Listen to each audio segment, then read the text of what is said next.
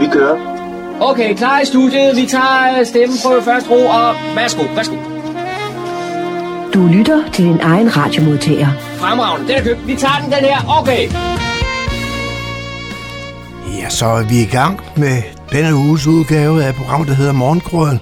Goddag, velkommen til. Mit navn er Kural Kammersgaard. Har fornøjelsen her de næste to timer. Og som altid kigger vi lige lidt på nogle overskrifter, hvad det er, vi er udsat for her i dag.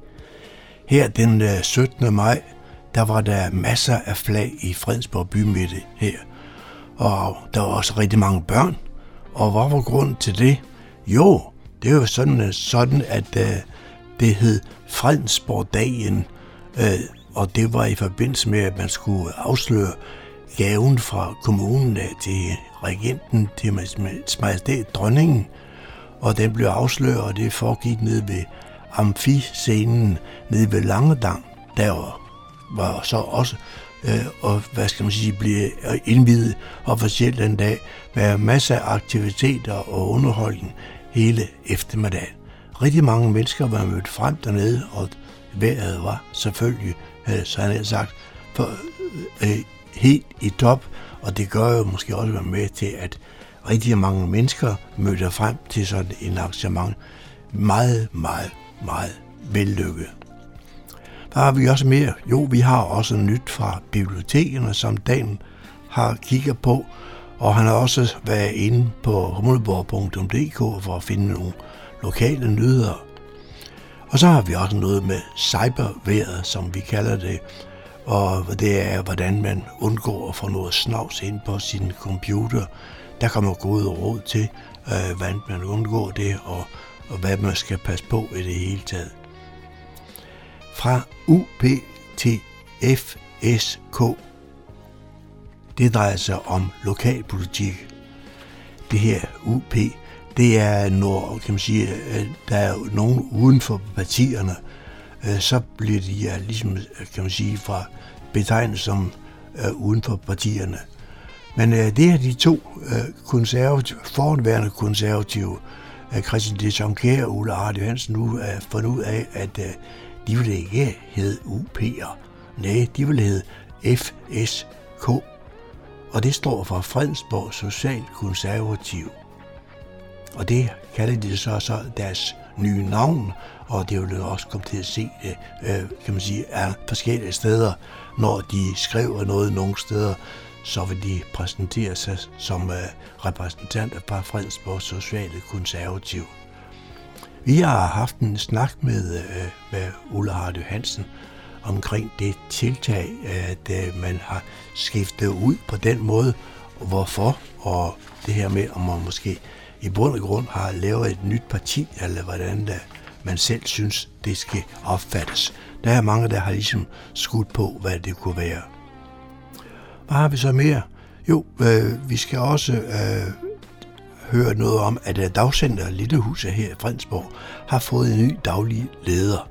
Don Marco har talt med Mette Carlsen Vind, det hedder hun dem, den nye leder, lidt om uh, aktiviteterne op på Lillehuset og måske nye tiltag. Så I kan høre, at der er nok at tage fat på her de næste to timer. Velkommen til.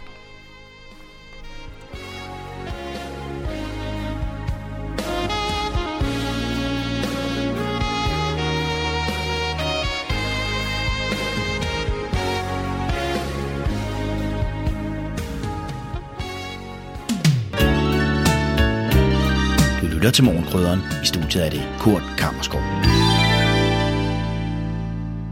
Her på Radio Humleborg bringer vi nu et lokalhistorisk indslag. Nu skal vi være med til et arrangement, der blev kaldt Fredensborg-dagen, der blev afholdt tirsdag den 17. maj ved den nye amfiscene ved Langedammen.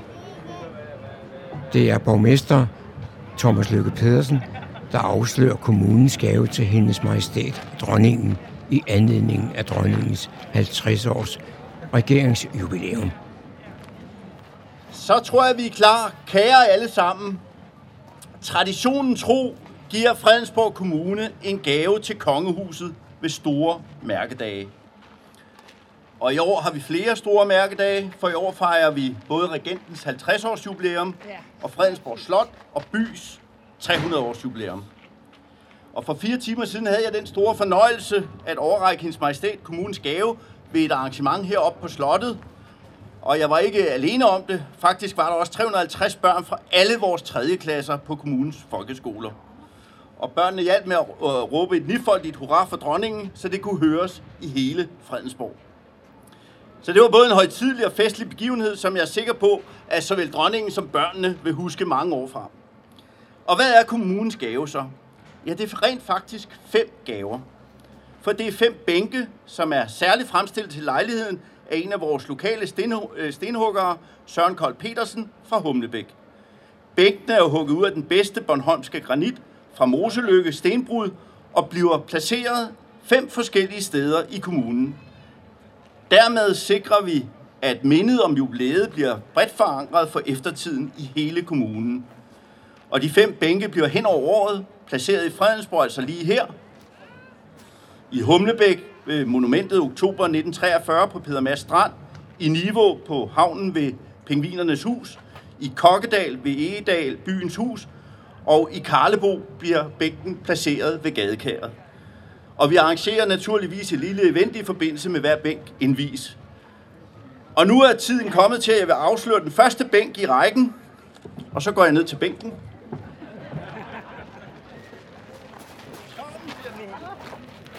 Hvad siger I så?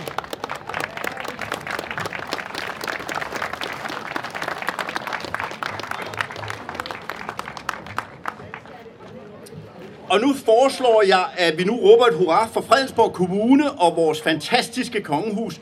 Og det vil jeg øh, bede vores første visborgmester, Christian de Jonker om. Værsgo, Christian. Mange tak for det. Det er jo således, at vores øh, byråds hurra, det er jo tre lange og tre korte med rullnære. Så jeg har den glæde at foreslå, at vi nu råber øh, et dit hurra øh, for vores fantastiske kongehus, som det er sagt, og vores dejlige kommune vores fantastiske kongehus og vores dejlige kommune længe leve. Hurra! Hurra! Hurra! Hurra! Hurra! Hurra! Tak for det. Og så skal jeg på kommunens vegne sige, at der er en lille forfriskning hernede. Man er velkommen til at kaste over. Og man i øvrigt så kan besigtige bænken. Bænke er jo til at sætte sig ned på, men også til refleksion og fordybelse. Og det kan der måske være behov for. Tak. Det er tirsdag den 17. maj, og jeg står her på Langedammen i Fredensborg, og anledningen er, at man i dag fejrer det, der hedder Fredensborg-dagen. Og så er jeg så heldig til at regne i borgmesteren, Thomas Lykke Pedersen. Og Thomas, du skal ned og indvige et anlæg nu. Hvad synes du om det? Jamen, jeg synes, det er fantastisk, og, og, og, og vi har også været heldige med vejret, kan man sige, i dag. Det er jo en solskinsdag, og der er der en, en 300-400 mennesker hernede, og det er jo så fantastisk anlæg, der er blevet lavet nu. Øh, det har også været lang tid undervejs, vil jeg sige, men jeg synes også, at det her resultat har været værd at vente på. Og så er der jo et større program, der skal køre i eftermiddag. Ja, så bliver der jo et program for, for de unge mennesker. Der bliver noget, der skal spille, og der bliver nogen, der jonglerer, tryllekunstnere og så videre øh, hernede. Så det bliver også noget for børn. Der bliver noget for alle aldre. Og øh, du kan jo se på anlægget, sådan som det ser ud sådan en dag, hvor den viser sig fra sin bedste side, at det er jo et anlæg, der kan bruges til mange forskellige ting. Og det håber jeg, at Fredensborg-borgerne vil, vil gøre. Bruge den her fisken til alle de ting, den kan bruges til. Det borgmesteren ikke fik sagt, det er, at man også denne dag officielt indviger amfiscenen. Jeg blev dog ikke så længe på stedet, for jeg skulle videre i dagens gøren og laden.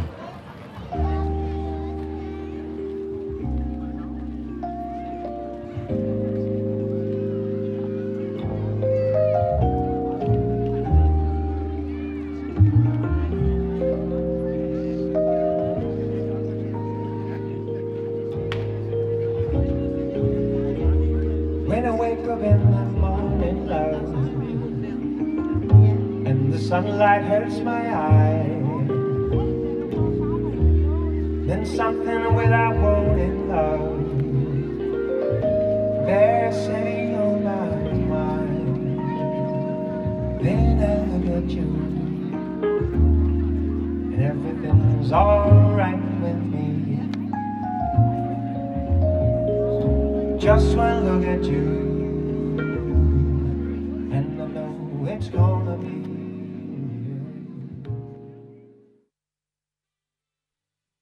Det var John Marco, der havde produceret dette indslag. Så er det igen gået hen og blevet tid til lokale nyheder og kulturinformationer, som er hentet fra humleborg.dk. Bag mikrofonen er det Daniel Jørgensen. Fem flotte bænke i Bornholmsk granit er Fredensborg Kommunes gave til hendes majestæt dronningen i anledningen af 150 års jubilæet som regent. Bænkerne bliver placeret fem forskellige steder i kommunen til varigt minde om jubilæet. Traditionen tro giver kommunen gave til kongehuset ved mærkedage, og i år fejres både regentens 50 års jubilæum og Fredensborg Slotterbys 300 års jubilæum. Gaven til dronningen blev overragt af borgmester Thomas Lykke Pedersen ved et arrangement på Fredensborg Slot den 17. maj. Det skete i overværelse af ca. 350 børn fra alle 3. klasser på kommunens folkeskoler. De fem bænke, som er forsynet med koverplade med inskription om jubilæet, bliver hen over året placeret i Fredensborg, ved Langedammen, i Humlebæk ved monumentet Oktober 43 på Peder Mastrand, i Niveau på havnen ved Pingvinernes Hus, i Kokkedal ved Edal Byens Hus og i Karlebo ved Gadekæret. Det er stenhugger Søren Kold Pedersen i Humlebæk, der har hugget de fem bænke ud af den gode Bornholmske Moselykke granit. Hver bænk er 300 cm lang og 40 cm bred, og vægten er ca. 500 kg. Mandag den 30. maj inviterer Fredensborg Kommune borgerne til Græsted Gård Naturområde, som er et nyt kommunalt frirum for naturen og borgerne på de tidligere landbrugsarealer på Græsted Gårdsvej 1 i Kokkedal. Der er officiel indvielse kl. 16. Græsted Gårds Naturområde indgår i kommunens finalebidrag i Dysten, Danmarks vildeste kommune, og er første skridt i visionen om at skabe et op til 1000 hektar stort sammenhængende naturområde mellem Kokkedal og Niveau. Etableringen af Græstegård Naturområde blev påbegyndt i 2018. Visionen er at skabe et lysåbent græsland med en mosaik af lav og høj urte- og græsvegetation, store solitære egetræer, græssende køer, vådområde, udsigt over ådalen og en rig og mangfoldig natur. Området bliver officielt indvidet af byrådsmedlem Hanne Berg fra SF, der præsenterer et insekthotel, som skal understøtte insektlivet i området. Og der vil være rundtur, hvor der fortælles om området. Kommunen vil være vært for lidt forplejning.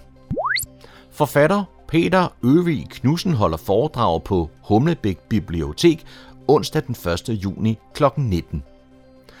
Her fortæller han om sine oplevelser med elektrochok og om livet efter udskrivelsen fra den lukkede psykiatriske afdeling. I 2018 blev Peter Øvig Knudsen indlagt på afdelingen på Rigshospitalet.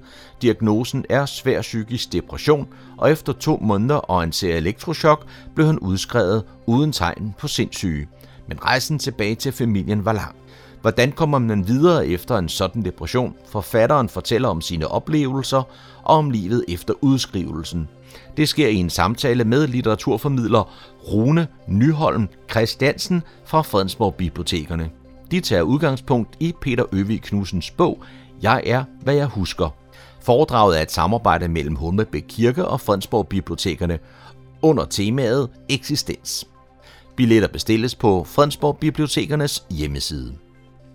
Det var, hvad vi havde af lokale nyheder og kulturinformationer for denne gang. Disse og mange flere nyheder kan du læse på humleborg.dk. Bag mikrofonen var det Daniel Jørgensen.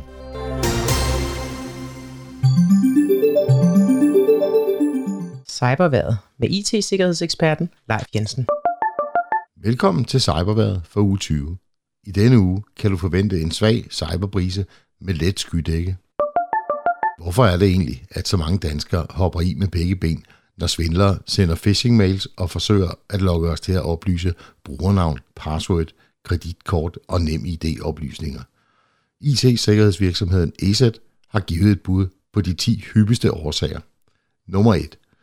Velafprøvede teknikker gives videre til næste generation af svindlerne. Det vil sige, når der kommer nye til, så øh, lærer de af dem, der kan i forvejen.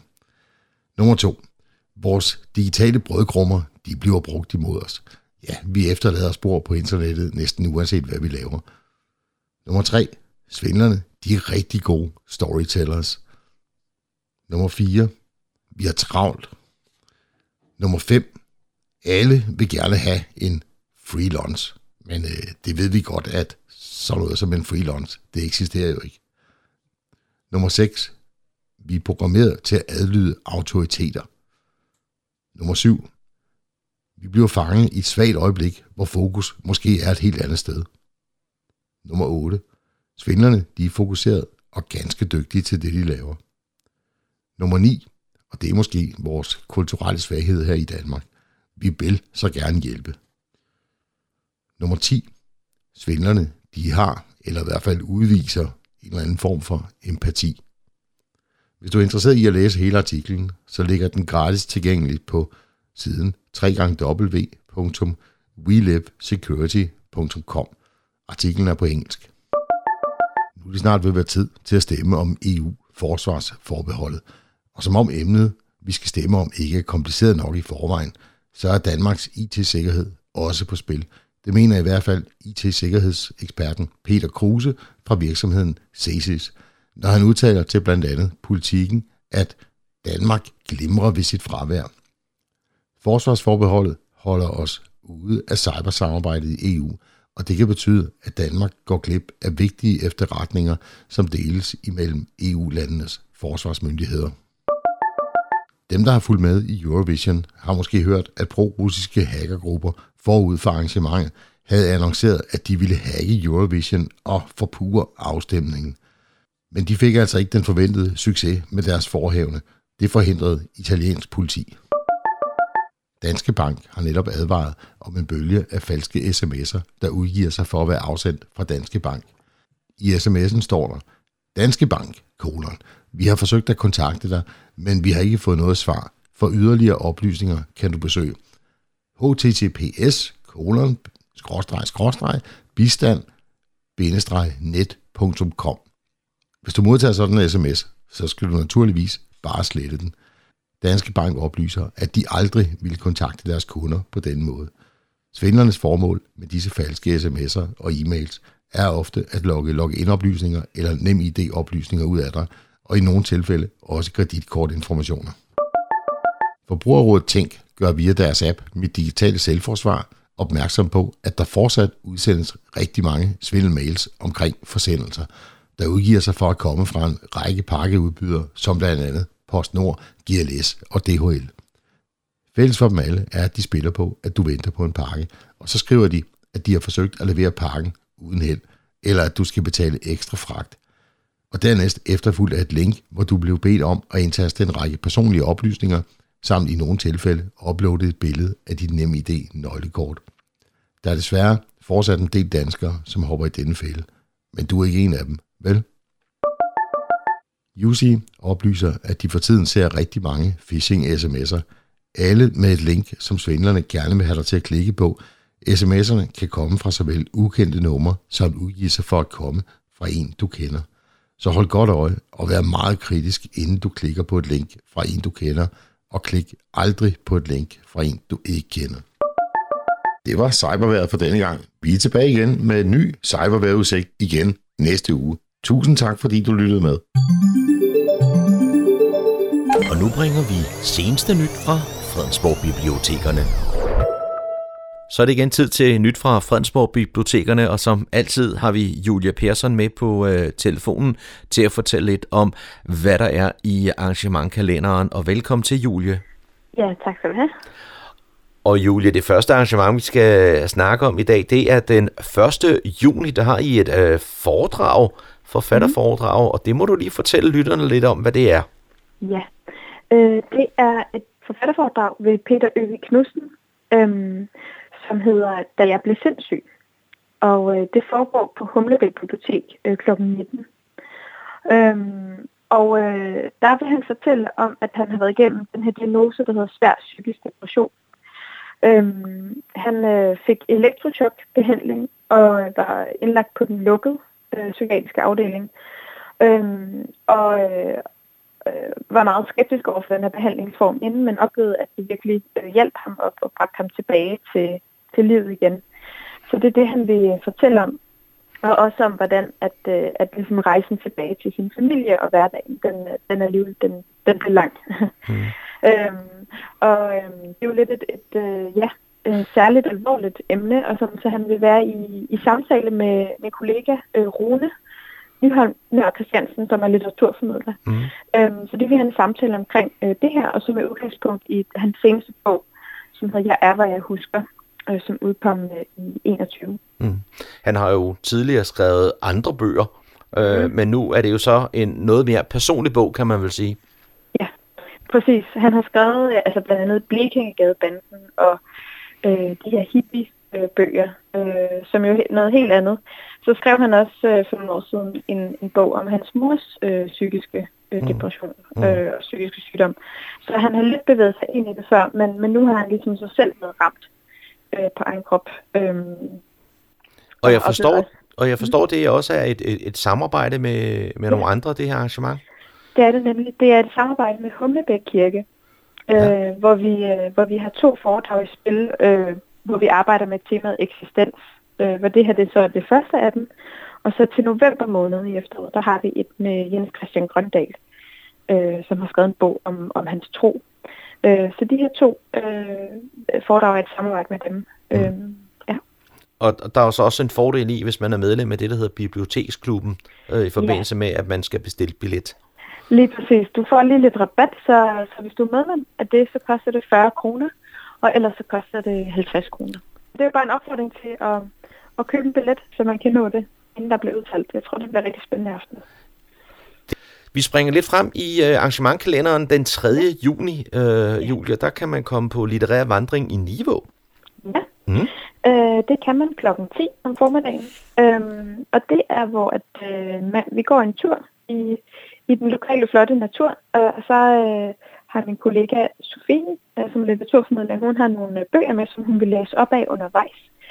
Øhm, og øh, hun har både nogle romaner, noveller og digtsamlinger med. Øh, og hvad man siger, den røde tråd i det er, at det er nogle magiske fortællinger hvor der ligesom er noget på grænsen mellem det absurde og normale, øh, som, øh, som en del af de her øh, oplæsninger. Og øhm, man skal have gode øh, sko på, men det bliver ikke en, en voldsom lang tur, men sådan øh, maks 5 km i stille og roligt tempo. Mm. Øhm, ja, og, øhm, og der er begrænset pladser, som man skal melde sig til, øh, men det er gratis. Ja, og man mødes så foran biblioteket, er det forstået rigtigt? Ja, det er ja. rigtigt. Man mødes foran niveau bibliotek. Ja, og hvis det så styrt regner, og det øh, ja. blæser, og alt der står i, i et, hvad så? Ja, men, men så bliver det desværre aflyst, øh, og så får man besked øh, som deltager. Så mm. hvis det bare er en, en lille let by, så vil jeg tro, de gennemfører det. Men, øh, men hvis det virkelig er dårligt, så, så bliver det selvfølgelig aflyst. Så øh, hold øje med, med vævesigten? Ja, gør det. Ja. ja og med mail, mailboksen. Og mailboksen, ja, selvfølgelig. Ja. Så hvis vi kommer lidt længere hen i, øh, i måneden, hvad har vi så af, af arrangementer på biblioteket? Lørdag den 4. juni, der har vi øh, en teaterforestilling for, for børn og hele familien, øh, som hedder Chicks. Og øh, det er på Niveau Bibliotek øh, kl. 10.30. Og øh, det, er, øh, det handler om søskendeparet Hilda og Bump, som er høns og lever øh, meget klemt inde i et lille bur og så en dag, så åbner lågen sig, og så lige pludselig ligger den her nye verden for deres fødder, som de oplever første gang. Øhm, så det er en, øh, en teaterforestilling primært for børn fra 4 til 10 år, øh, men selvfølgelig også deres forældre. Og øh, det er en udendørs teaterforestilling, så man skal lige have tøj med øh, til det. Øh, og det er gratis og kræver ikke billet, så man møder simpelthen bare op øh, kl. 10.30. Mm. Ja. Og i tilfælde regnvejr, hvad så? Ja, men hvis det går helt galt, så, så vil jeg tro, at de, de afløser. Øh, så det skal man selvfølgelig også lige være ops på. Ja. Øh, ja. Så det er simpelthen bare at møde op her den øh, 4. juni kl. 10.30 og få en, øh, en familieunderholdende forestilling. Ja, lige præcis. Ja. Julie, hvad har I ellers sådan af, af ting på den faste øh, kalender i den, øh, i den nærmere tid? Jamen, vi har jo vores øh, IT-caféer, øh, som både er på Niveau Bibliotek og Humlebæk Bibliotek om tirsdagen. Mm. Øh, I Niveau, der er det kl. 14 til 16, og i Humlebæk 14.30 til 16.30. Øhm, og, øhm, og det er jo, at altså, man kan jo ofte have nogle spørgsmål, som har med sin øh, mobiltelefon, computer eller iPad at gøre, eller NemID, e-mail osv. Øh, og så er der den her mulighed for at komme hen og få noget hjælp, øh, sådan face to face, øh, med nogle rigtig dygtige, som, som kører de her caféer. Ja. Øh, så man behøver ikke melde sig til, og det er gratis og så videre. Man skal bare møde op, og så skal man øh, tage den øh, ting med, det drejer sig om, altså sin telefon eller computer eller hvad det måtte være. Øhm, og øh, der er dog en ting, som de ikke hjælper med, det er sådan opsætning og installation af software og hardware. Men altså, alle de gængse spørgsmål, når man støder på, når man bruger de her ting, det, det vil de meget gerne hjælpe med. Mm. Og øh, er man sådan lidt til håndarbejde, så har I også et tilbud i den retning? Lige præcis. Øh, det er vores øh, håndarbejdscafé, som er igen den 2. juni, øh, torsdag. Og det er kl. 18.30 til 21 på Fredensborg Butik. Og det er jo, hvis man har lyst til strikning eller et eller andet andet håndarbejde, så kan man komme forbi den her kreative lille café. Så, så alle er velkomne, og så kan man ellers udveksle råd og idéer, eller hive fat i, i de bøger, vi har stående på hylderne omkring øh, kreativitet og håndarbejde. Mm. Øhm, så det, det tror jeg plejer at være rigtig hyggeligt. Ja, og der er vel nogen, der ligesom byder velkommen og, og tager imod ved den her håndarbejdscafé? Ja, der er en frivillig, der står for det, ja. øh, som, øh, som, som plejer at køre det. Ja. Og med det siger jeg tak til dig, Julie Persson fra Fredensborg Bibliotekerne. Velkommen. Næste indslag omhandler lokalpolitik i Fredensborg Kommune. Det er jo efterhånden langt siden, vi har haft kommunevalg, og tingene er begyndt at falde lidt på plads igen. Men uh, siden her øh, 1. januar, der har to af medlemmerne, der før var konservativ, det drejer sig om Ulla Hardy Hansen og Christian Dijonker, der har de været, kan man sige, stående som værende uden for partierne. Men uh, det ønsker de så ikke i fremtiden her nu. Nu vil de godt benævnes som Fredensborg Socialkonservativ. Vi ringer op til Ulla Hardy Hansen for at høre, hvorfor det. Goddag, Ulla. Ja, goddag, Kurt. Dag. Hvad, hvad er grund til, at I, er, I, er, I nu vender op på den måde, I godt vil uh, kaldes noget andet noget? Det er, fordi vi ligesom, som der stod i pressemeddelelsen, synes, det er lidt, jeg tror, man brugte udtrykket, øh, nøgent ja. at blive kaldt UP'er. Ja, okay. ja. Altså, der er mange mennesker, der ikke forbinder mm. noget øh, med øh, UP, og det betyder nej, naturligvis nej. uden for partierne. Ja. Øh, man, vi kunne også have kaldt os løsgængere, ja. men, øh, men øh, da vi er dybt konservative, øh, begge to har været medlem i vores parti i øh, øh, omkring 40 år, så, øh, var det, altså, ja, så hørte vi om og blev foreslået, at vi kaldte os socialkonservative. Ja. Det begreb findes i andre øh, mm. øh, kommuner, blandt andet i Hørsholm, hvor vi øh, kender Torgild Groelund, okay. der har dannet det parti derinde, og jeg kender også Lars Abel i Gladsaxe, der har et parti øh, øh, med socialkonservative ja. okay. øh, der. Ja. Og øh, jeg ved ikke, jeg sammenligner det lidt med, at øh, jeg er øh, frugtavler. Ja. Og øh, altså og det at være øh, lokalpolitiker. Altså hvis jeg skal sælge kirsebær, så er jeg nødt til at øh, skrive om kvalitet, om sort, om størrelse og ikke mindst om pris og Ja. plukketidspunkt og så videre. Altså folk vil vide, hvad det er, de sætter tænderne i. Ja. Og Ja, på samme det- måde, de der øh, øh, kender Christian Juncker og jeg, altså de skal øh, øh, vide, øh, øh, hvem vi er og hvad vi står for. Ja. Øh, dem man også fremover øh, kommer til at kende. Og øh, øh, derfor var vi med på, at øh, det måske var en god idé at kalde os socialkonservative. Ja. Og da jeg selv kom ind for 32 år siden i byrådet, øh, det var jo faktisk i Slytters tid, der havde jeg, øh, der hørte jeg meget efter Palle Simonsen. Ja. Øh, han var socialminister, og han var øh, øh, kom meget hos os heroppe i vores kreds. Og øh, øh, der var jeg meget, han brugte den benævnelse. Ja, okay. Og jeg synes også selv, at øh, der ligesom er et øh, vist behov midt i alt denne her vækst, i øh, alt det her vækst, øh, halløj, for en øh, social øh, øh, balance. Ja. Hvad siger du så også her med, Ulle, at, at, at, at det gamle såkaldte konservative folkeparti, de var ikke sociale nok, mener du? Øh, og det, nej, sådan vil jeg ikke sige det. Men, men altså, for at uh, identificere os øh, stadigvæk med øh, konservatismen, Ja. og, og, og, og, og frem for, at øh, vi hver gang vi står frem i byrådet, øh, og når man øh, underskriver sig med læserbrev og så videre, øh, skriver UP'er ja. eller, eller øh, noget andet, der ville vi gerne have ordet konservativ med. Ja, Og okay. øh, det er altså, øh, øh, den udviklede sig fra øh, øh, den rigtige konservatisme en gang for mange, mange, jeg tror det var i 1800-tallet i slutningen. Og øh, dengang mente man, at øh, de social, øh, øh, social øh, øh, konservatismens tilhængere, de mente, det var ligesom en, en ideologi inden for mm. den, at man skulle hjælpe de fattige arbejdere, og, ja. og, og de skulle også have en, en rimelig levestandard. Og også øh, på den måde kunne man modvirke revolution og øh, oprør i arbejderklassen. Og øh, altså det kan jeg fuldstændig tilslutte mig. Ja. Altså, ja. jeg er meget, øh, jeg er virkelig socialkonservativ, ja. og det er Christian faktisk også. Jeg ved også, at i Tyskland, der fik det den øh, konsekvens, at det var det første øh, land, hvor man indførte øh, pensionssystemet. Øh, øh, systemet. og her i Danmark har både Dansk Folkeparti øh, og Ny Alliance, de har øh, socialkonservative øh, øh, træk. Ja, okay. Så der er også, øh, selvfølgelig er det også i det almindelige konservative øh, øh, parti, men altså socialkonservative, ja, det siger jo som det er, at, at vi lægger meget vægt på det På sociale. det sociale, ja. Ja. Men Ulle, ja. for lige at vende tilbage, kan man sige, til for i starten en halv års tid siden, ikke også?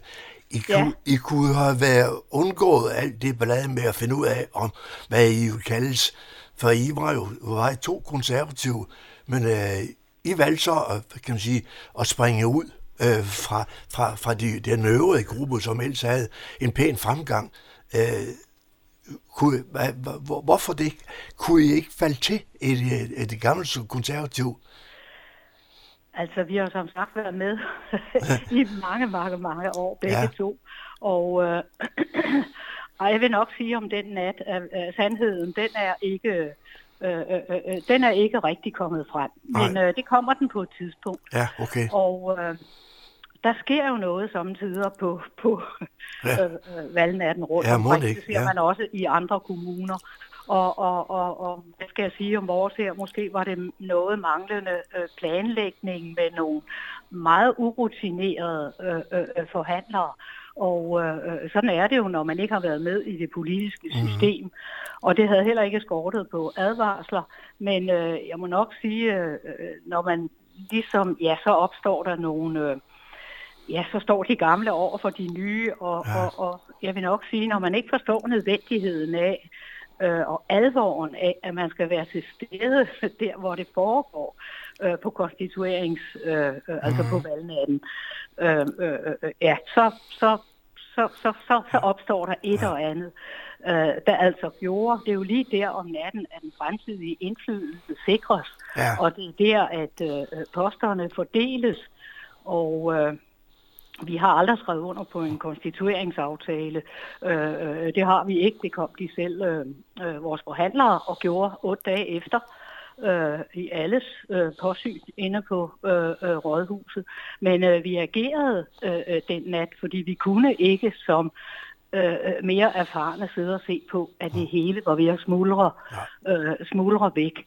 Og det vi skrev under på, det var, at vi blev tilbudt fra de andre partier og fra Thomas Lykke, at, øh, at øh, få viceborgmesterposten og øh, øh, øh, kulturudvalgsposten. Ja, Og jeg har været med så mange, mange år, og jeg har skrevet under så mange gange, Ja. ja. jeg har været viceborgmester i 12 år, og jeg har været øh, øh, borgmesterkandidat øh, i to omgange, og jeg har haft kulturposten i 24 år. Ja. Og det har altid krævet øh, en eller anden form for øh, øh, underskrift, og det har været fuldstændig uden, Nå. uden drama alle Jamen, de andre gange. Ja, men no- nogen har påstået, kan man sige, at det var simpelthen øh, øh, et magtsyge fra dig og Christian af. I vil, vil have noget, og det var I bange for, at I ikke kunne få, hvis øh, I gik sammen med de andre konservative, så skulle det spredes ud der. Var, var det sådan en, en, en magtkamp, kan man sige, øh, med, med, for at I kunne få, hvad I gerne ville have, jeg tog?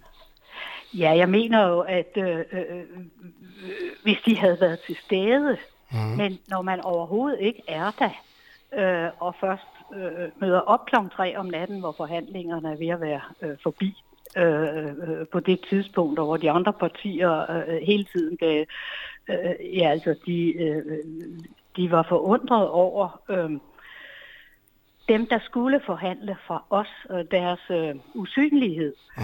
Altså, øh, jeg vil nok sige, hvis de var mødt op, og det har vi så aldrig fået en forklaring på, hvorfor, øh, øh så havde vi kunnet finde ud af det.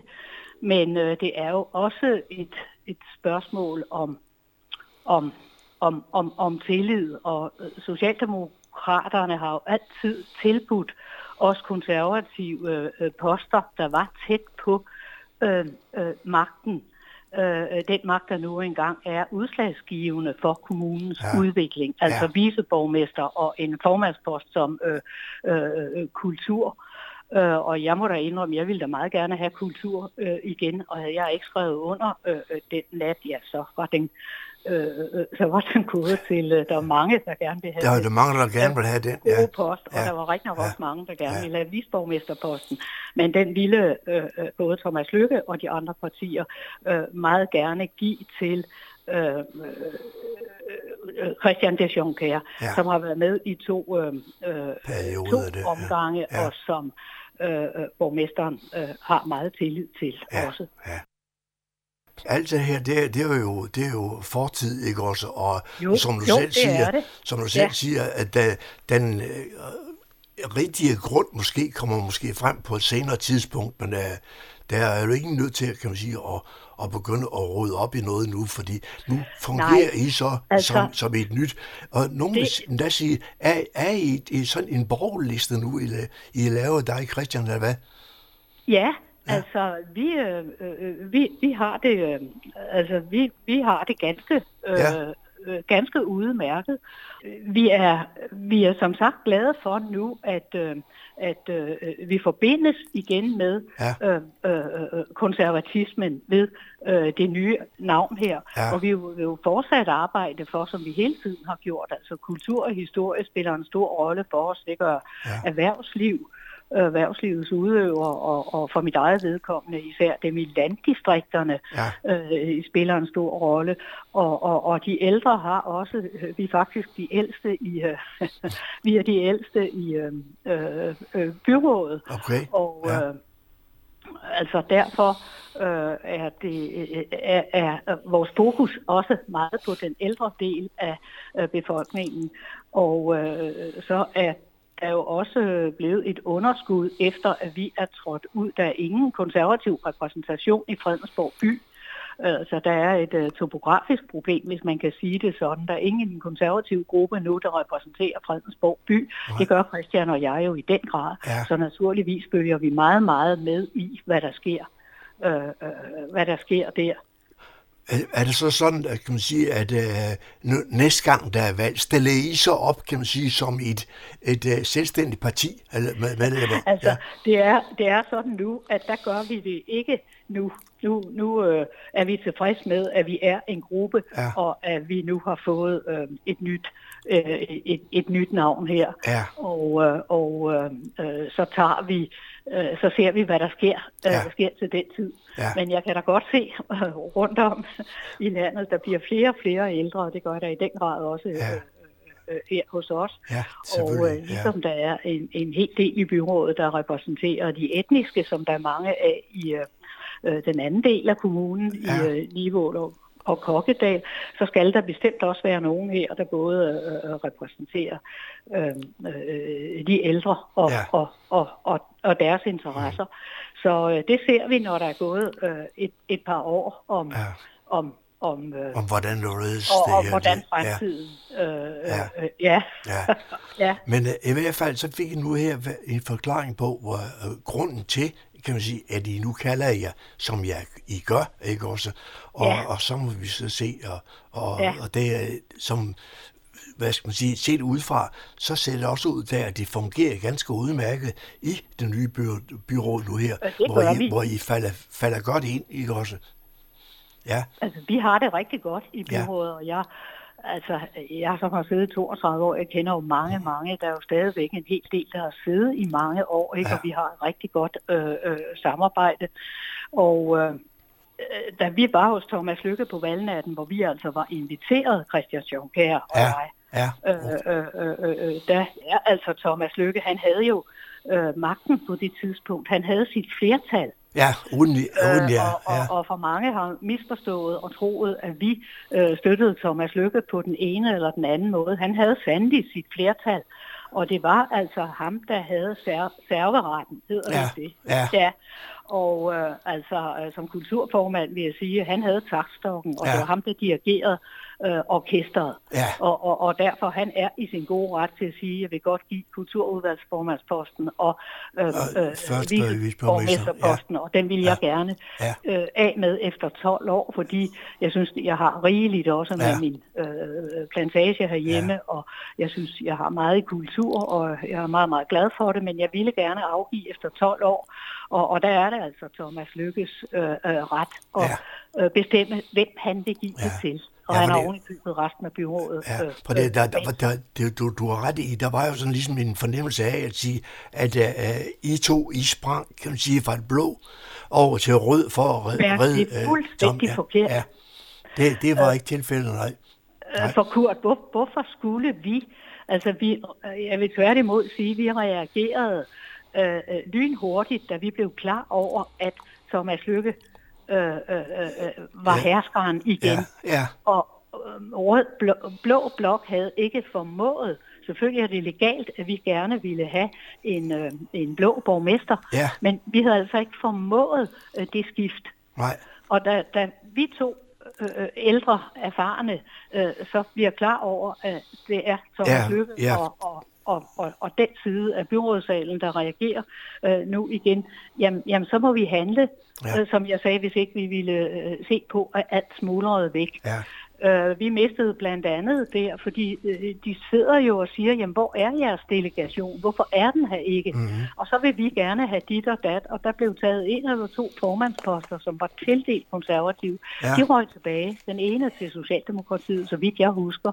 Og næstformandsposten i plan og klima, den var vi meget, meget interesseret i. Øh, især da jeg har meget, meget med landområderne at gøre. Ja. Øh, og den ville vi gerne have givet til Thomas Born Jessen, som har gjort et stort, stort arbejde i plan- og klimaudvalget he- her Ja. igennem øh, øh, flere omgange. Og øh, den forsvandt også til Venstre. Venskabsbykomiteen forsvandt. Den har været på konservative hænder.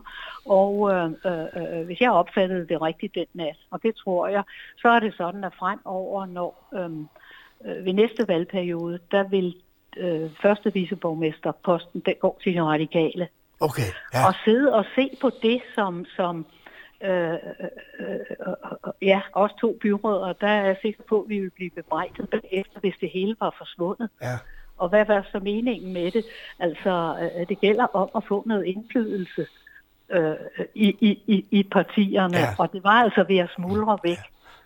Og, og, og det var derved, det opstod, at de ligesom brillerede ved at øh, blive væk. Ja. Det hedder sig, at jeg troede egentlig, at Thomas Lykke havde forsøgt nogle gange at få fat i dem. Det var mit indtryk. Ja. Og også andre, jeg ved også Per Frost øh, øh, havde, men det var ikke lykkedes.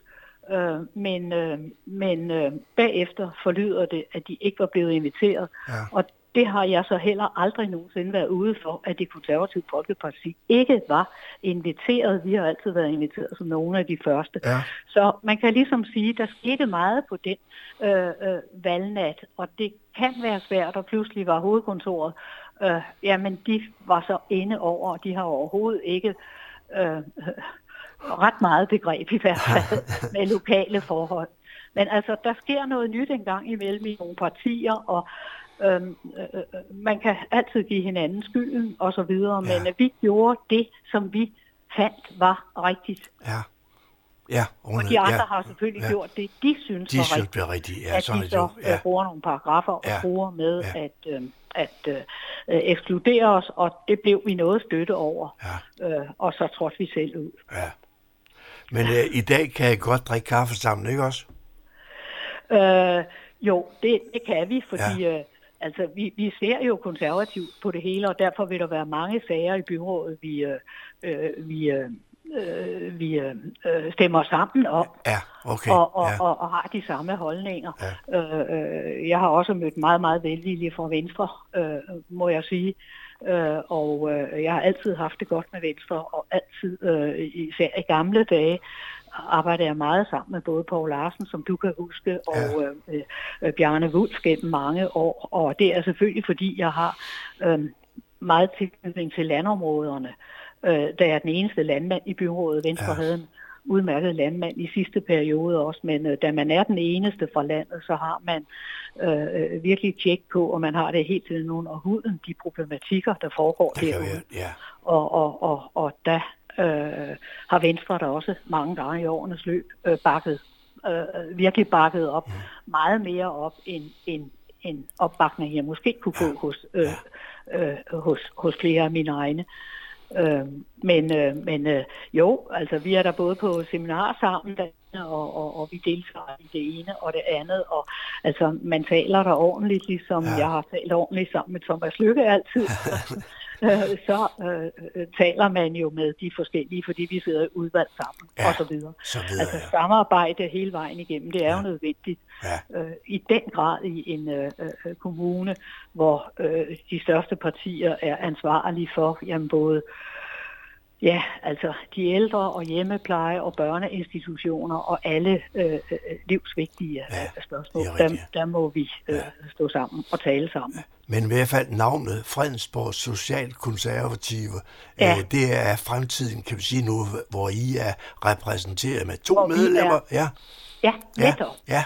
Og, og jeg vil da underskrive mig med læserbreve og, og, og så videre, altså socialkonservativ. Ja, okay. Det signalerer både det ene og det andet, ja. og så signalerer det også, at vi er i en gruppe, og de mange mænd, at vi er en gruppe øh, sammen, og de mange, der tog fejl i sin tid og troede, at vi Øh, jamen, vi er jo blevet kaldt forrædere og alt muligt, Ja. ja. fordi nogen troede og, og skrev træk støtten til Thomas Lykke og så videre. Vi har under ingen omstændigheder, altså øh, øh, øh, båret Thomas ind. Han havde sit flertal. Ja. Og, og der kan man se nu, for nogen troede jo, vi var gået over til Thomas Lykke og så videre. Det er øh, helt fejlagtigt. Og jeg lige at sige, hvad skulle vi to ældre politikere, altså øh, som sagt er vi, øh, jeg er i hvert fald den ældste i byrådet, øh, øh, hvorfor skulle vi lave partiskadelig virksomhed i vores ja. alder, og hvorfor skulle vi blive socialdemokrater, ja. efter vi har været medlem i 40 år hos Ja, man, kan, man kan jo sige, at det var, det var på tide? I måske Ja. ja. I, I Ja. faldt til, hvor I skulle være, måske. Eller, Ja. Ja. Hvorfor skulle vi gå efter Ussel Marmon? Ved du hvad, jeg har været kulturformand i 24 år, ikke? Og, og, og, og lønnen har faktisk der, hvis vi skal ind på noget, den har i mange, mange år været det halve af, hvad de andre formands lønninger har været. Så der er ingen, der behøver. Men øh, du ved, når noget bliver kørt op, og, Ja. og, og, og, og der, er valg, der er sket jo forfærdeligt meget, også i andre kommuner. Jeg tror i Gribsborg, at man kørte en kiste ind i byrådssalen. Ja, okay. Altså, det synes jeg var sådan lidt, lidt Ja. makabert også. Ja, ja, ja. Men det. der sker noget i politik, Ja. og altså, øh, øh, det, det, uh, the, sh- the show must go on. Ja, ja, ja. Altså, Så er ja, det vi må Ja, videre. vi må vi- må videre, Jeg har ja. været lidt ærgerlig over det, men jeg er ikke, øh, jeg har ikke været ked af det. Nej, nej. det har jeg ikke. Og Christian blev jo så øh, desværre ramt af øh, øh, sygdom. Ja, øh, okay, der ja. i hjertet øh, øh, nogenlunde samtidig der. Men øh, han skal nok komme på benene igen. Ja, ja. Det går fremad. Ja. ja. Vi fik nu her lidt af, kan man sige, baggrundshistorien, og kan man sige, både om fortiden, men også om fremtiden, kan man sige, for det nye parti, eller i hvert fald den gruppe, der kalder sig Fredensborg Socialkonservativ, der sidder i Fredensborg Bøgeråd. Ulla Hardy Hansen, du skal mange tak for den her fortælling, og så må jeg Ja, sige, held, held og lykke fremover. Ja, Ja. det er godt. Selv tak. Tak skal du have. Hej, Ja, hej. Selv tak. Hej. Du lytter til Radio Humleborg, din lokalradio i Fredensborg og omegn. Jeg er taget til Lindehuset i øh, Fredensborg og er gået ind for hos Mette Carlsen øh, Vind. Mette, hvem er du egentlig? Jeg er 42 år og tiltrådt her som leder i Dagcenter Lindehuset fra 1. februar af. Så jeg er ganske ny i huset, og jeg er blevet taget rigtig godt imod. Jeg bor ikke så langt væk, jeg bor oppe i Esbjerg med min familie. Øhm, og er blevet overrasket over, hvor lokalt kendt. Det er gået utrolig stærkt med at øh, kende mange øh, lynhurtigt her i Fredensborg. Og øh, det er en stor fornøjelse at være endt her. Hvad har du beskæftiget dig med tidligere? Jeg er oprindelig ergoterapeut uddannet for 17 år siden, tror jeg omkring det er. Og har arbejdet mest, eller nærmest kun, med seniorområdet. Øh, forebyggelse og sundhedsfremme. Og har arbejdet i kommune, ved Frederiks, Fredensborg, nej undskyld, Frederiksberg Kommune mest. Øh, og har arbejdet både som visitator og som hjælpemiddelkonsulent og som forebyggende hjemmebesøg. Og så har jeg også kortvarigt været underviser på social- og sundhedsuddannelsen. Men jeg, jeg kender sådan ret godt til øh, den målgruppe, der kommer her i Lindehuset, altså aldersmæssigt i hvert fald. Øh, og kender til kommunens struktur, hvordan er en kommune opbygget, hvem, hvem kontakter jeg, hvis der er nogen, der har brug for en hjælpende hånd med et eller andet. Og få hjulpet folk videre til at få noget hjælp. Øh, og hele forebyggelsesdelen i det.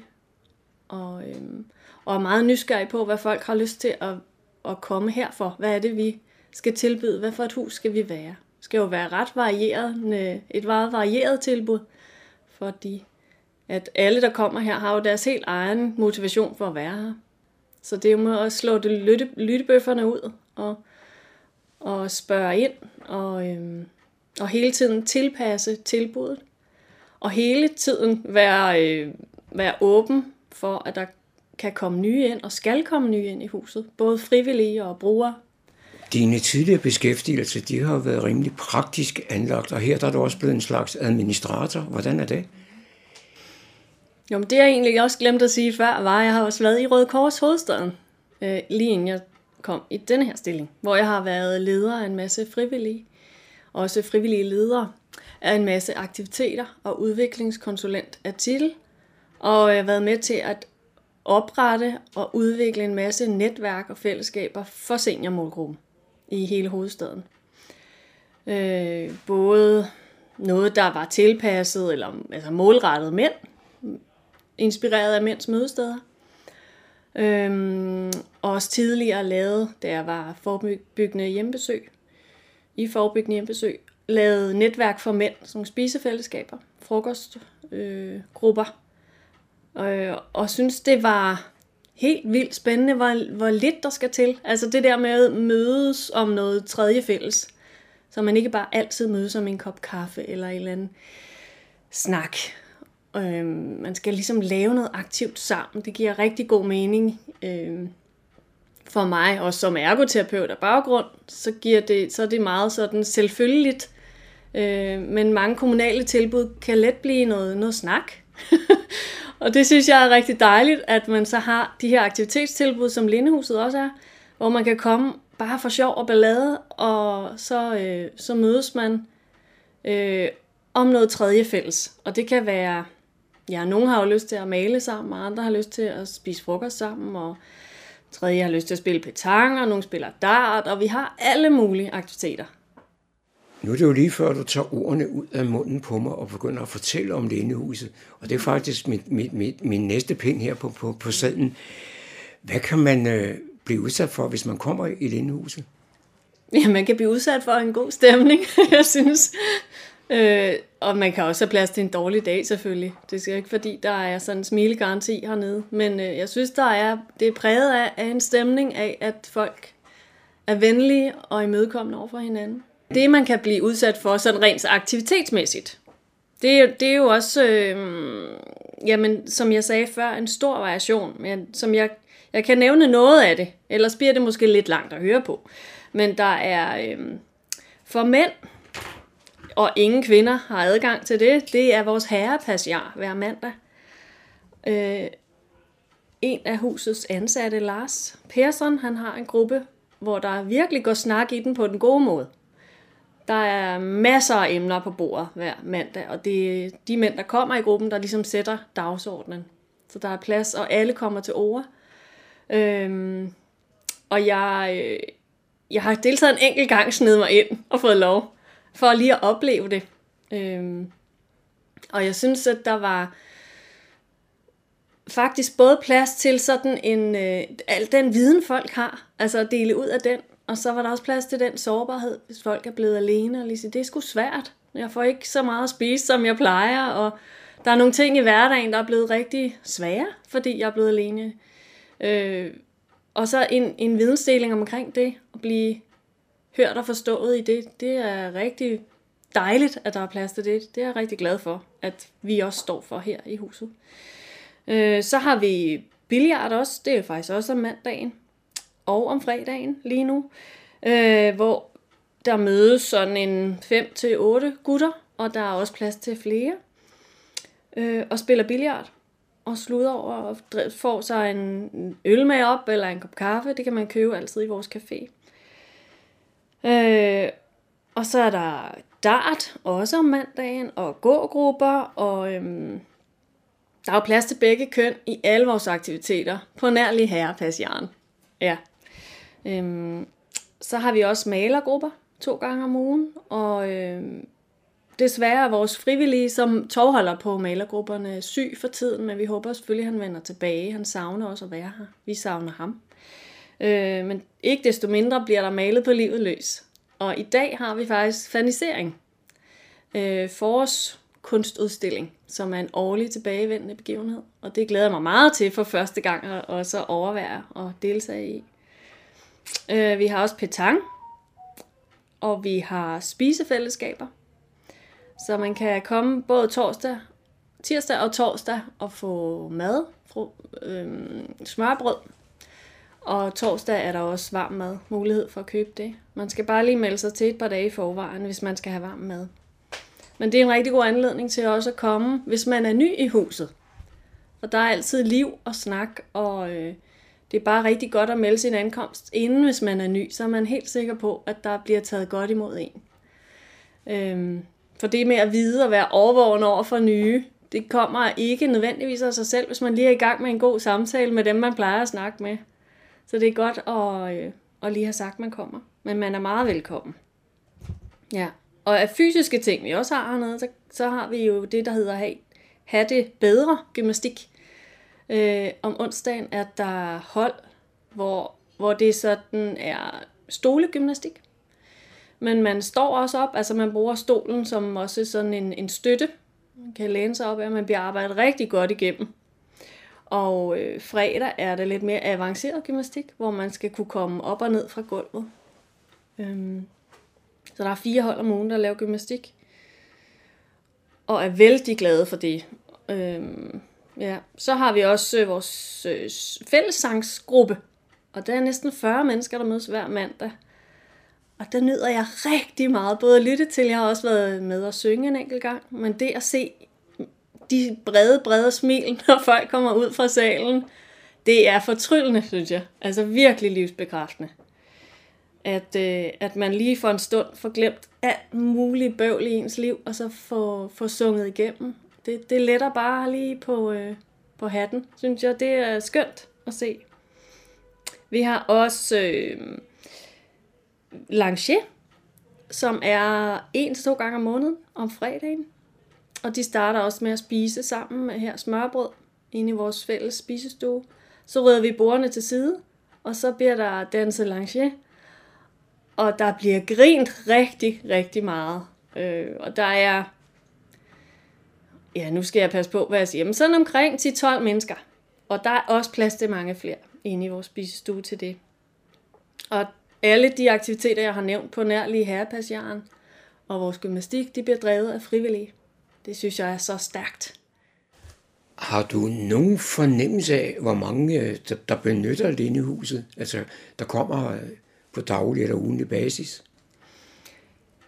Altså, vi har lavet optælling inden min tid at starte, men, og jeg kan se og høre på folk, og siger, at det er nogenlunde det samme lige nu, som det har været her. Altså, corona har jo gjort også noget ved Leben. Der er nogen, der stadig bliver hjemme. Øh, og ikke er helt klar endnu til at komme afsted. Det håber vi selvfølgelig. Men vi har i hvert fald åbnet dørene fuldt igen, og vi er omkring 30 om dagen. Men det svinger sådan fra 20 til 60 egentlig, altså mandagen især, hvor der møder mange op til sang. Det giver sig selv, så er der rigtig mange om mandagen. Øhm, men vi har plads til omkring 60-70 spisende gæster i vores spisestue, så der er... Og her, da vi holdt vores påskefrokost, var der faktisk 50 spisende gæster. Øhm, og det var, det var sådan lidt en sige, rekord øh, mange mennesker, fordi coronaen har raset. Så det er sådan en, var, en, var en ret festlig måde at sige, så det er vi slut. nu, kan vi, nu kan vi mødes igen, og det var en virkelig dejlig stemning og lækker mad. Nu har du nævnt ordet frivillige et par gange, og øh, med alle de her aktiviteter, så er der jo frivillige. Hvor mange er, er, er aktive som frivillige her? Jamen lige nu har vi omkring, omkring 23, som er aktive frivillige.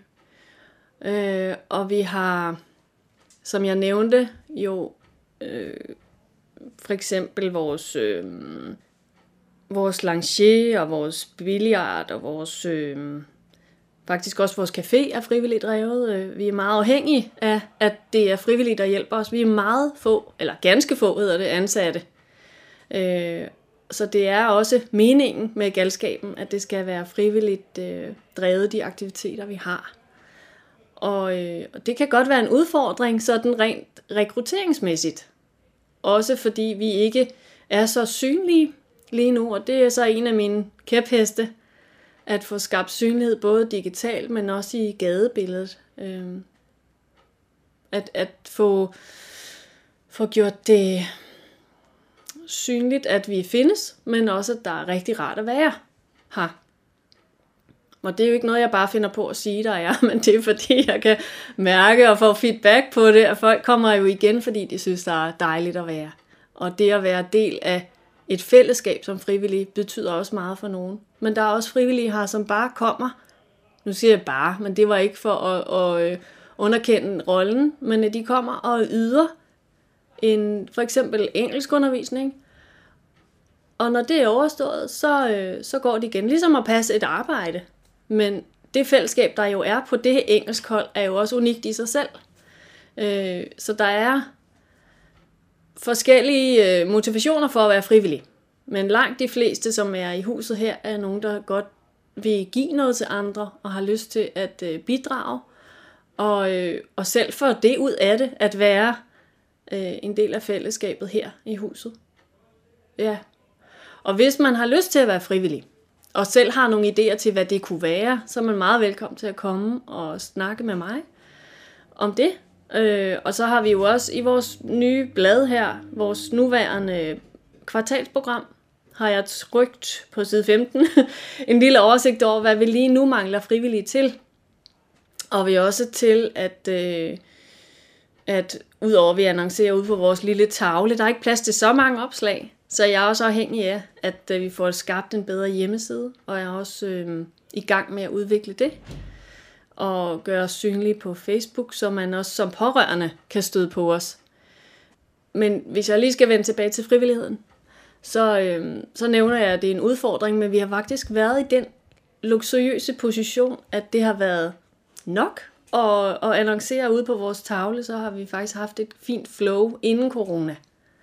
Der har ikke manglet så mange hænder, som der lige gør nu. Og det er jo helt naturligt oven på sådan en omgang, at, øh, at vi mangler nogen. Øhm, så der er også ting i huset, der ikke bliver gjort, fordi vi mangler hænder. Øh, vi plejer også øh, i min tid at have sillebord. Jeg tror, det var en gang om måneden, og det vil jeg gerne tilbage til, for det er en rigtig dejlig måde at mødes, og det, det er der mange, der har lyst til også fedt at være ny og komme, og så er der bare lækker mad og en masse mennesker, man kan sludre med. Øhm, så det tænker jeg, at vi skal genoptage her til efteråret. Men det kræver igen, at der er nogle frivillige kræfter, der har lyst til at stå for det. På et uh, tidspunkt, der siger du, at man kan bare møde op, hvis man er nysgerrig. Enten at være frivillig eller komme for at være, være, være bruger af stedet. Men er der nogle tidspunkter, hvor der er bedre end andre, eller hvornår har I egentlig åbent her? Vi er åben alle dage fra klokken 9 til 16, undtagen fredag, der lukker vi klokken 15. Øh, men jeg vil sige, man kan også være rigtig uheldig lige at rende, rende ind i et tidspunkt mellem to aktiviteter, hvor der ikke rigtig er så mange mennesker. Og så får man jo indtryk af, at der ikke sker en dyt. Øh, og det er ikke helt rigtigt, men, øh, men, men selvfølgelig er der tidspunkter, hvor der er mere liv end andre. Øh, men for at få en for at sikre sig, at man øh, får en god modtagelse, så er det en rigtig god idé lige at ringe først og aftale et godt tidspunkt med mig, så jeg har så tid til at sidde og snakke og finde ud af, hvad folk har lyst til. Jamen, så skal vi da, så skal vi da lige have dit telefonnummer. Det kan I få. og nu låner jeg lige dit papir, fordi jeg kan det ikke i hovedet endnu. Men Lindehusets telefonnummer, det er 72 56 27 64. Og der er som regel en, der tager telefonen. Det er enten mig eller en af de ansatte. Og nogle gange er det også de frivillige, hvis vi sidder i møde. Og tager imod besked. Og så vil jeg meget gerne lave en aftale med hvem end der ringer, for at øh, byde dem velkommen til. Og sørge for, at de lander godt her. Det har jeg også gjort med dem, der har stukket hovedet ind her i, i min tid. At øh, vi lige sætter os sammen og, og får snakket om, hvad de, hvad de ønsker. Nu har du et par gange sagt, at du er ny i jobbet her, og det ved vi jo alle sammen, der, der, der kommer en, en gang imellem. Men sådan en, en, en ny leder af et sted som det her, har hun øh, nogle nye tiltag med? Ja, altså, det har jeg, men jeg er ikke ude på en revolution. Altså, jeg vil gerne stikke en finger i jorden og også mærke, hvad der har betydning for dem, der bruger huset.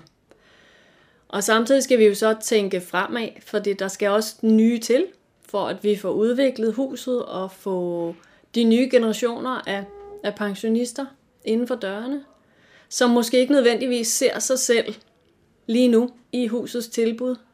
Så det med at være nysgerrig på, hvad, hvad dem, der ikke bruger huset, kunne tænke sig måske at bruge huset til, det er jeg også rigtig nysgerrig på. Men som en start, øh, er det, jeg har lyst til at sætte fokus på og synes, der er brug for. Særligt på baggrund af coronaens rasen, hvor vi ikke har kunne åbne dørene for nye.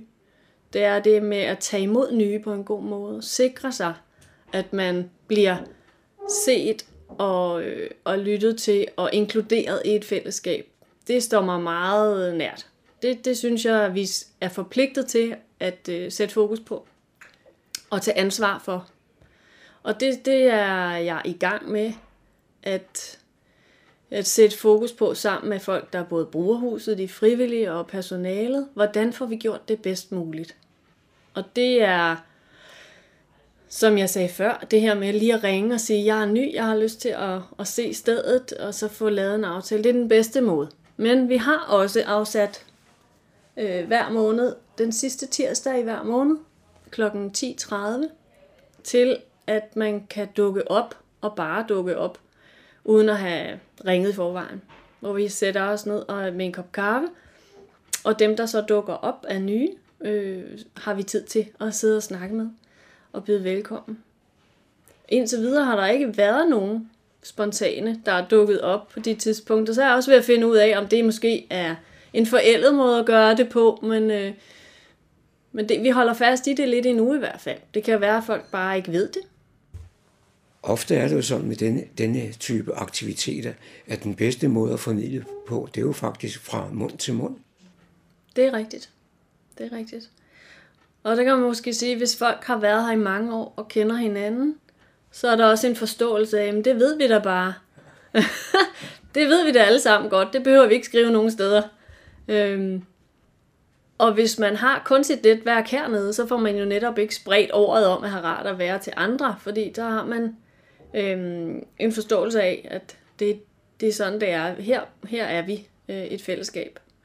Øhm, Mund-til-mund-metoden har altid til alle tider været den bedste måde, og alle er jo på sin måde ambassadører for huset, når de kommer her. Og øh, også både ansatte, der er måske lokaler og frivillige, vil jo til hver en tid gå og snakke om, hvordan der har er at være. Så hvis har ikke rart at være, så bliver det jo også mund-til-mund-metoden. Og øh, så det, mit håb er der, og min tro er, at folk også snakker godt om os.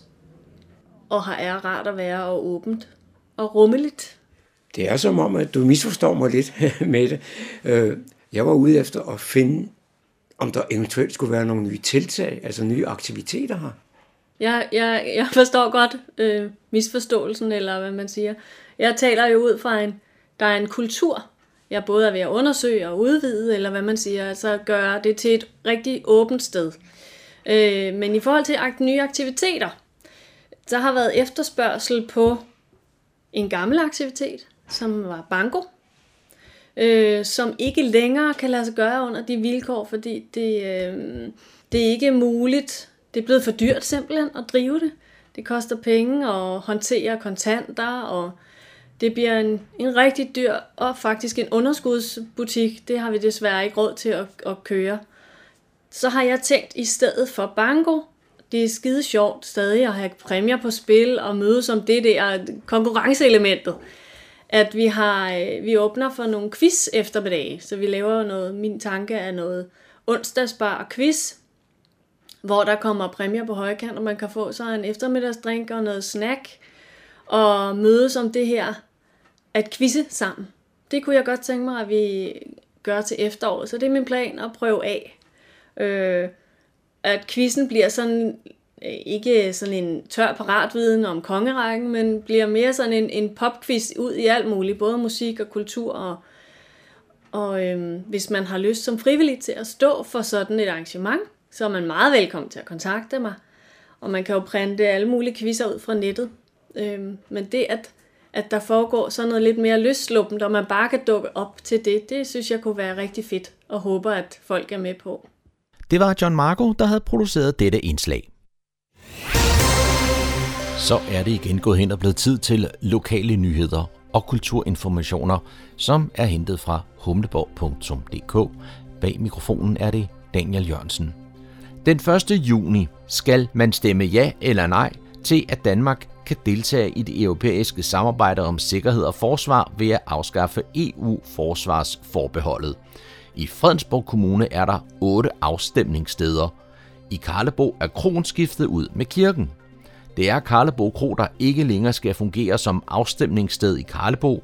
I stedet skal vælgerne i dette distrikt vende sig til et nyt afstemningssted, der vil være længe ved Karlebo Kirke, som er det samme som Præstegården, der ligger på Hæslerødvej 2 i Karlebo. Ellers foregår afstemningen de velkendte steder på afstemningsdagen, hvor man kan stemme fra kl. 8 til kl. 20. De stemmeberettigede modtager sit valgkort med posten senest den 27. maj, men modtager man forventning ikke sit valgkort, så kan man sagtens stemme alligevel. Man skal blot medbringe ID, for eksempel et sundhedskort. Er man forhindret i at stemme på valgdagen, så kan man frem til den 28. maj kl. 16 brevstemme. Det kan man på Fredensborg Rådhus og et af de lokale biblioteker i den borgerbetjente åbningstid, og der kan ikke bestilles tid. Fredensborg Jazzklub får et nyt spillested. Til jazzsæsonen efteråret 2022 vil publikum kunne opleve den danseglade traditionelle jazzmusik i Fredensborg Klubs smukke rammer midt mellem slot og sø. I den seneste sæson har musikken spillet livligt på Fredensborg Store Kro til glæde og gavn for klubbens jazzglade publikum. Tiden gør dog, at Fredensborg Jazzklub har måttet se sig om efter et nyt spillested, og valget er faldet på restaurant Sweet Spot, der holder til i Fredensborg Golfklub. Det bliver en ny og spændende måde at arrangere disse jazzaftener på, hvor omgivelserne er naturskønne og intime, fortæller Ole Holte, der er formand for Fredensborg Jazzklub.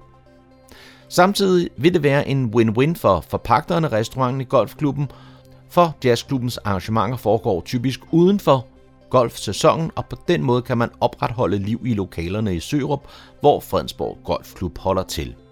Mange har også den opfattelse af spisesteder i golfklubber generelt er for golfspillere, så når vi holder disse jazzarrangementer i Fredensborg Golfklub, kommer der et publikum, der måske ikke ville have lagt vejen forbi.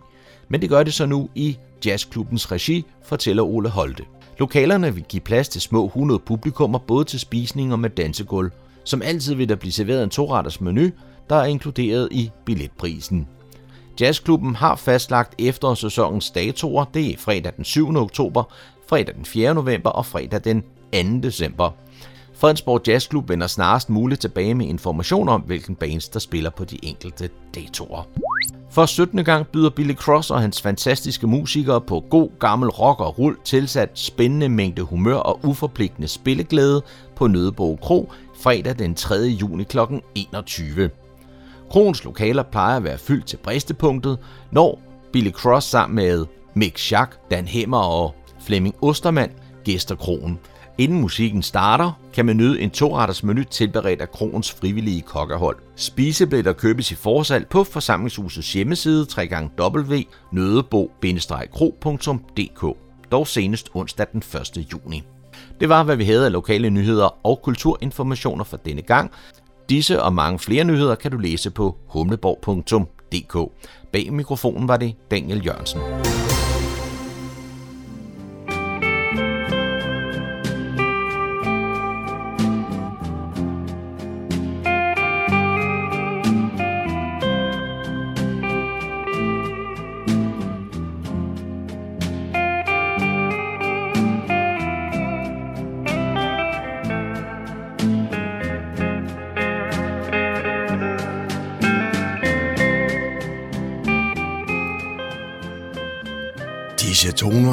Fortæller os, at vi er nået til afslutningen på denne uges udgave af programmet, der hedder Morgenkrøden. Her fra redaktionen, som består af undertegnet, jeg hedder Kurt Kammersgaard. Ja, der siger jeg tak for nu, og på genhør en anden god gang.